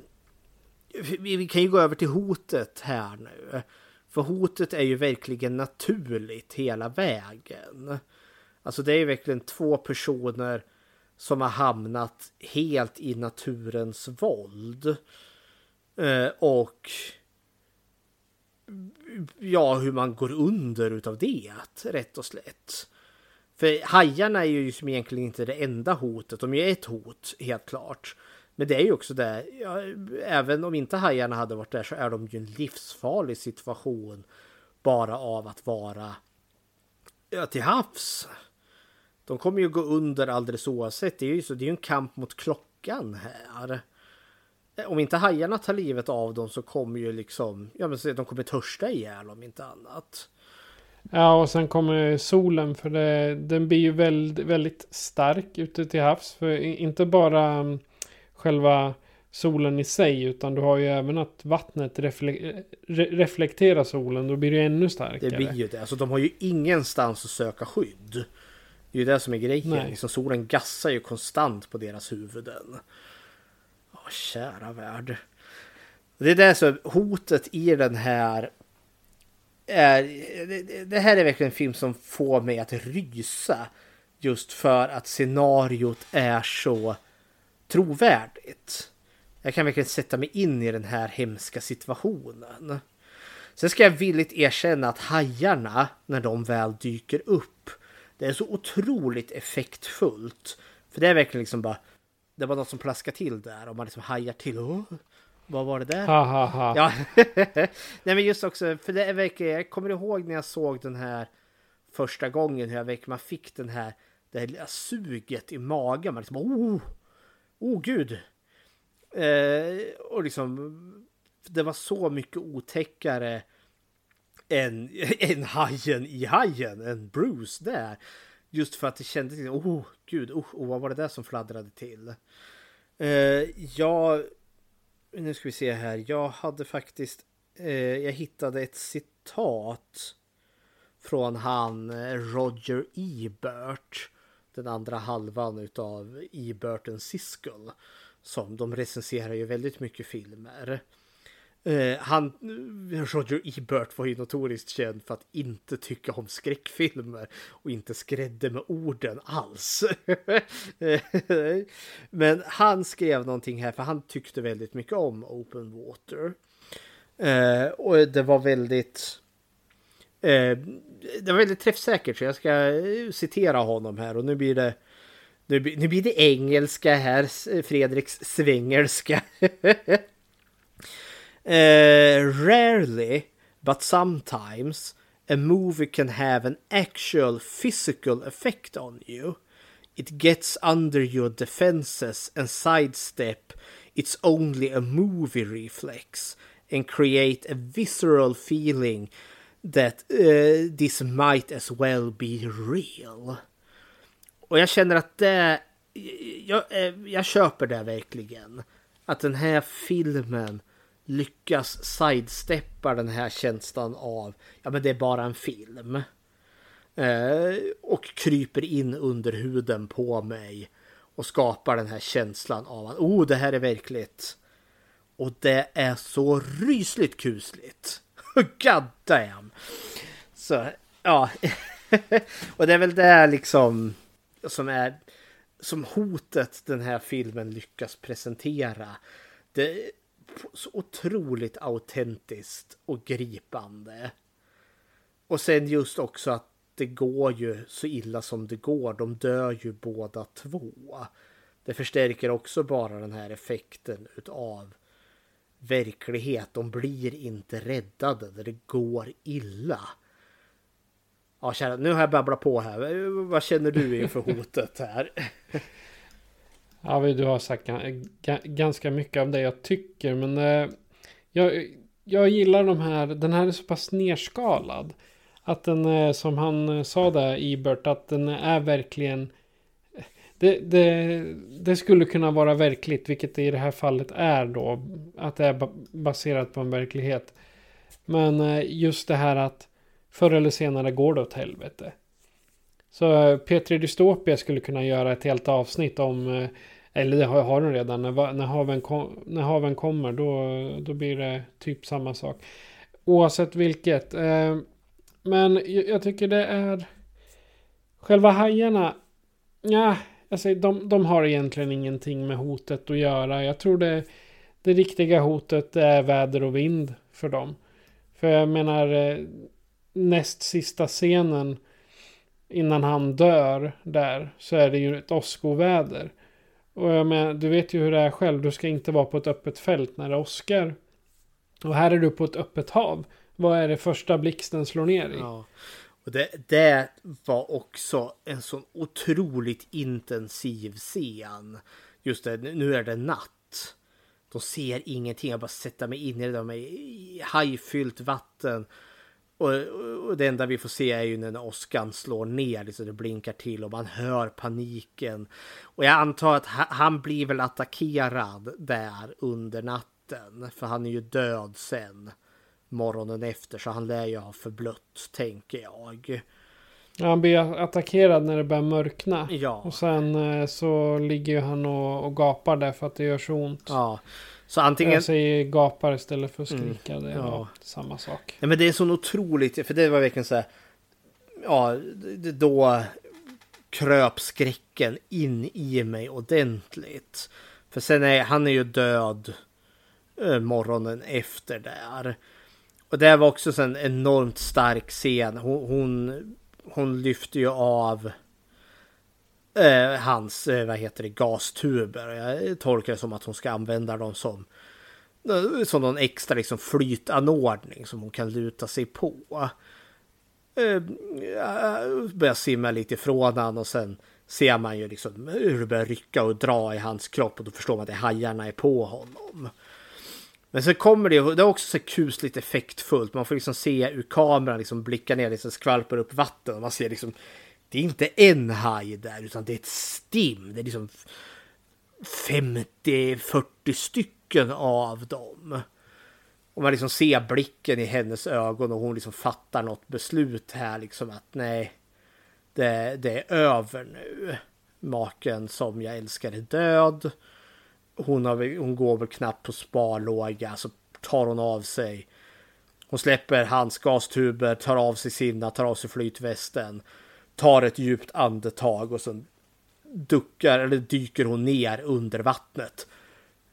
Och så får vi inte se henne något mera. Nej, jag tror att det, det snarare var en symbol, symbolisk scen att ja, hon går ner under vattnet och sen är det slut. Liksom, då, ja. Det var mera för att symbolisera att nu har hon också drunknat. Nej men jag tänker, jag tycker som att hon, hon, det blir lite det här. Hon dör på sina egna villkor här. Istället för att bara invänta att antingen dör hon utav väder och vind eller hajarna tar henne. Eh, för jag tänker, liksom, jag vet ju inte vad som händer där under ytan. Drunknar hon eller kommer hajarna på henne i ett, och tar henne liksom i ett virrvarv? Vi får ju inte se någon attack eller något. Eh, det var så kusligt effektfullt.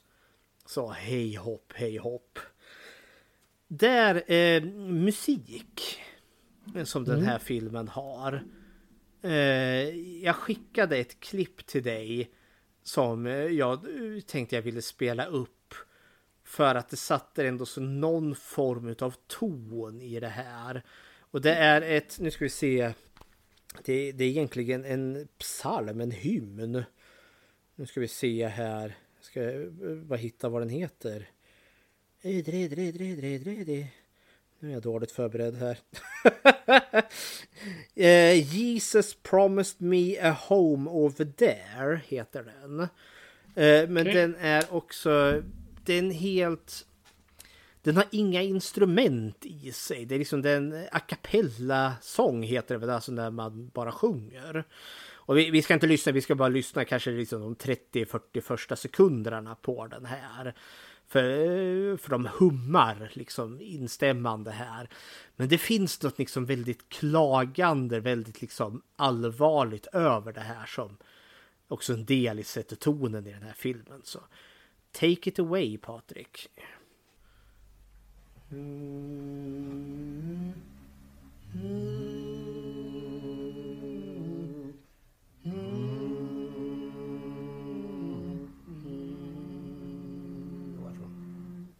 Ja.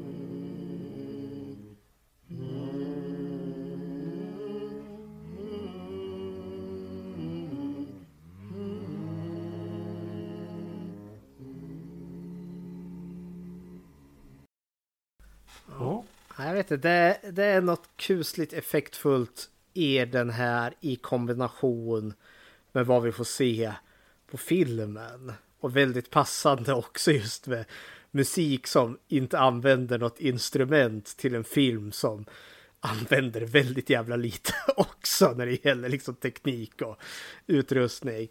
Alltså, det, det, det, återigen liksom bara sätter tonen överlag. De använder inte så mycket, de använder typ ingen filmmusik heller. Nej. Utan det, det som används är ju när de är i land. Mm. Alltså när de filmar deras eh, fester och grejer där. Nej, men ska vi sammanfatta filmen här då? Ge den slutord och lite betyg. Ja, gör det. Du får börja. Eh, jag tycker det här är en otroligt effektfull film. Och eh, vi får väl säga redan nu kanske den hajfilm som bäst porträtterar och mest trovärdigt porträtterar hajar. För det här kommer vi inte se i någon annan utav hajfilmerna. För det kommer det verkligen vara skräckfilmsmonster som inte följer naturens lagar fem öre. Den här filmen fascinerar mig och är en av de här få som lyckas krypa in under min hud. Eh, den engagerande berättelse, den är skrämmande i sitt koncept. Eh, och eh, ja, har verkligen känsla av autenticitet. Verkligen just det här hur, hur skörbar man är eh, under omständigheter. Och liksom hur lite som kan ställa till det. Hade de bara ploppat upp kanske en minut tidigare ur vattnet så hade de ju varit ombord på båten. Men istället gör de inte det och blir fast här ute till havs vilket leder till deras utdragna dödskamp får man ju kalla det. Och det är kusligt. Och det är någonting med de här hajarna som ploppar upp där. Som bara får det här suget i magen. Utan man bara känner det här kalla. Liksom, oh, skräcken.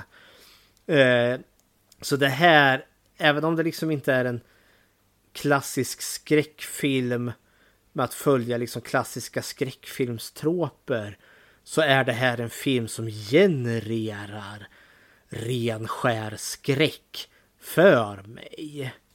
Det här är en riktig höjdare Eh, och jag eh, kommer placera den här ganska högt. Det är en fyra av fem. Det är inte fem av fem för det är, liksom, det är ytterst få filmer som är fem av fem. Men det är, eh, oj vad den här är effektfull. Och den är så fascinerande just för att den är gjord på så liten budget, är liksom en sån amatörproduktion. Men det är också väldigt roligt. För det, det är signumet att ja, men du behöver inte ha ett jättefilmbolag eller studio och vara liksom världsbäst på att göra film. Ha bara en bra idé och ett driv så kan det bli en extremt effektfull film. Och det är vad Open Water är. Så det är mina slutord till Open Water. Ja, jag skulle nog säga att Open Water inte är den bästa filmen jag har sett. Men det är väl mest för att jag inte är en jättestor fan av Based on a True Story-filmer. Och sen, ja, visst, den är bra i sitt kontext. Alltså det är inte en... Det här är egentligen ingen underhållningsfilm på det här viset. Utan det här är snarare en film som man, man vet hur slutet ska bli. Och man sitter egentligen bara och väntar på att den ska ta slut. Och tack vare det, den är bara en och, en och tio ungefär i längd. Så att det är liksom ingen, det är ingen fara om man skulle vilja ta en timme och paus och titta på den här. Men eh, jag kommer nog inte se den igen. För tredje gången gilt tänkte jag, men nej. Nej, den, här, den får inga höga betyg utav mig. Men det är en särskild film. Den är lite egen. Och man måste tycka om den här typen av filmer. Mera än vad jag, vad jag gör. Men ska nog vara i stil med, med dig då. Men eh, som sagt, den är, den är sjukt effektfull. Det är ju, och den är väldigt avskalad. Så där ska de väl ha kudos för. Men jag kommer... Jag ger väl den här en 2 av 5. Något sånt där. Det, den är helt okej okay, men uh, inte i min smak. Och det är helt okej. Okay. Ja. Har du gjort något Bechteltest på den här? Det har jag. Vi försöker ju köra Bechteltestet på filmerna vi ser. För det är ju om kvinnlig representation i film. Och vi för ju tesen att skräckfilmer är den som klarar, som representerar det här bäst.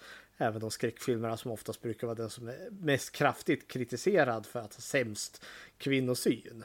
Vilket den många gånger har. Men frågorna är ju tre. Ett, eh, finns det två eller fler eh, kvinnliga namngivna karaktärer? Två, möter de någonsin varandra? Och tre, när de gör det, pratar om någonting annat än män? Så fråga nummer ett. Vi har Susan och inget mer.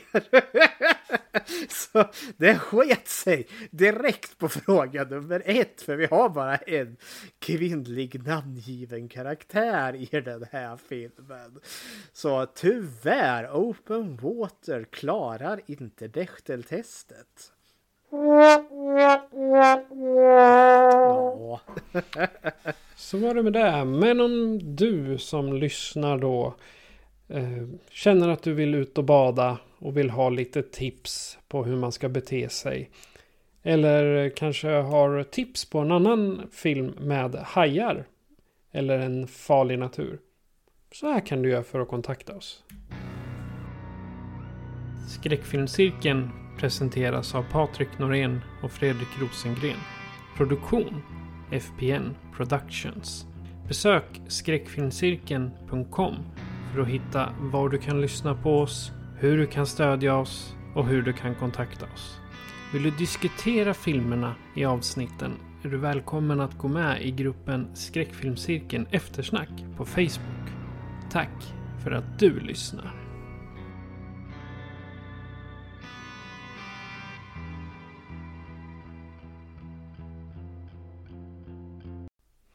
Och Fredrik, nästa gång, vad bjuder vi på? Nästa gång ska vi ta oss an en franchise. Hör och häpna. Eh, vi ska ta oss en titt på eh, Psycho. Den som brukar kallas för den moderna skräckfilmens födelse. Men vi ska också ta oss en titt på skådespelaren Anthony Perkins liv och gärning.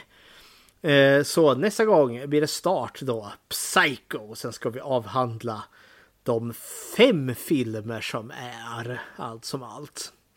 Men ja, det kommer bli en höjdare. ja, det är det. Och till skillnad från våra skådespelare snedstreck de verkliga händelserna så får vi kliva upp ur vattnet, gå och torka oss eh, med en handduk och kanske hoppa in i ett torkskåp. Du har lyssnat på skräck... Nej, förlåt. Nu, alltså, jag, jag gjorde fel förra gången också. Jag, jag blandar ihop den här och min andra podd. Nej, Det här är sjukt. Geocaching skräckfilmspodden. Ja, exakt. det finns det ett avsnitt tillbaka runt avsnitt eh, 60 och 70 där någonstans. Jajamensan. Nåväl.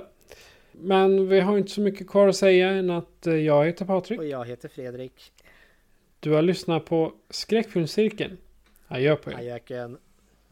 Baby shark do do do do do do baby shark do do do do do baby shark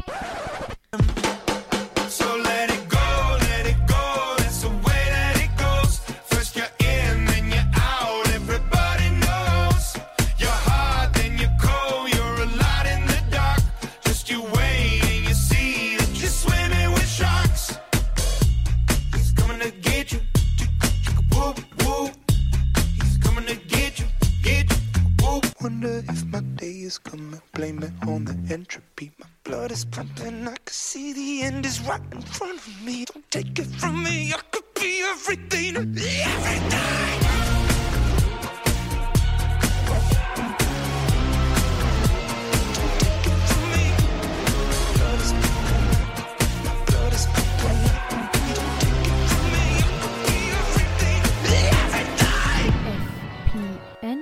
From me. Blood is pumping. My blood is pumping. Don't take it from me. I could be everything, everything. FPN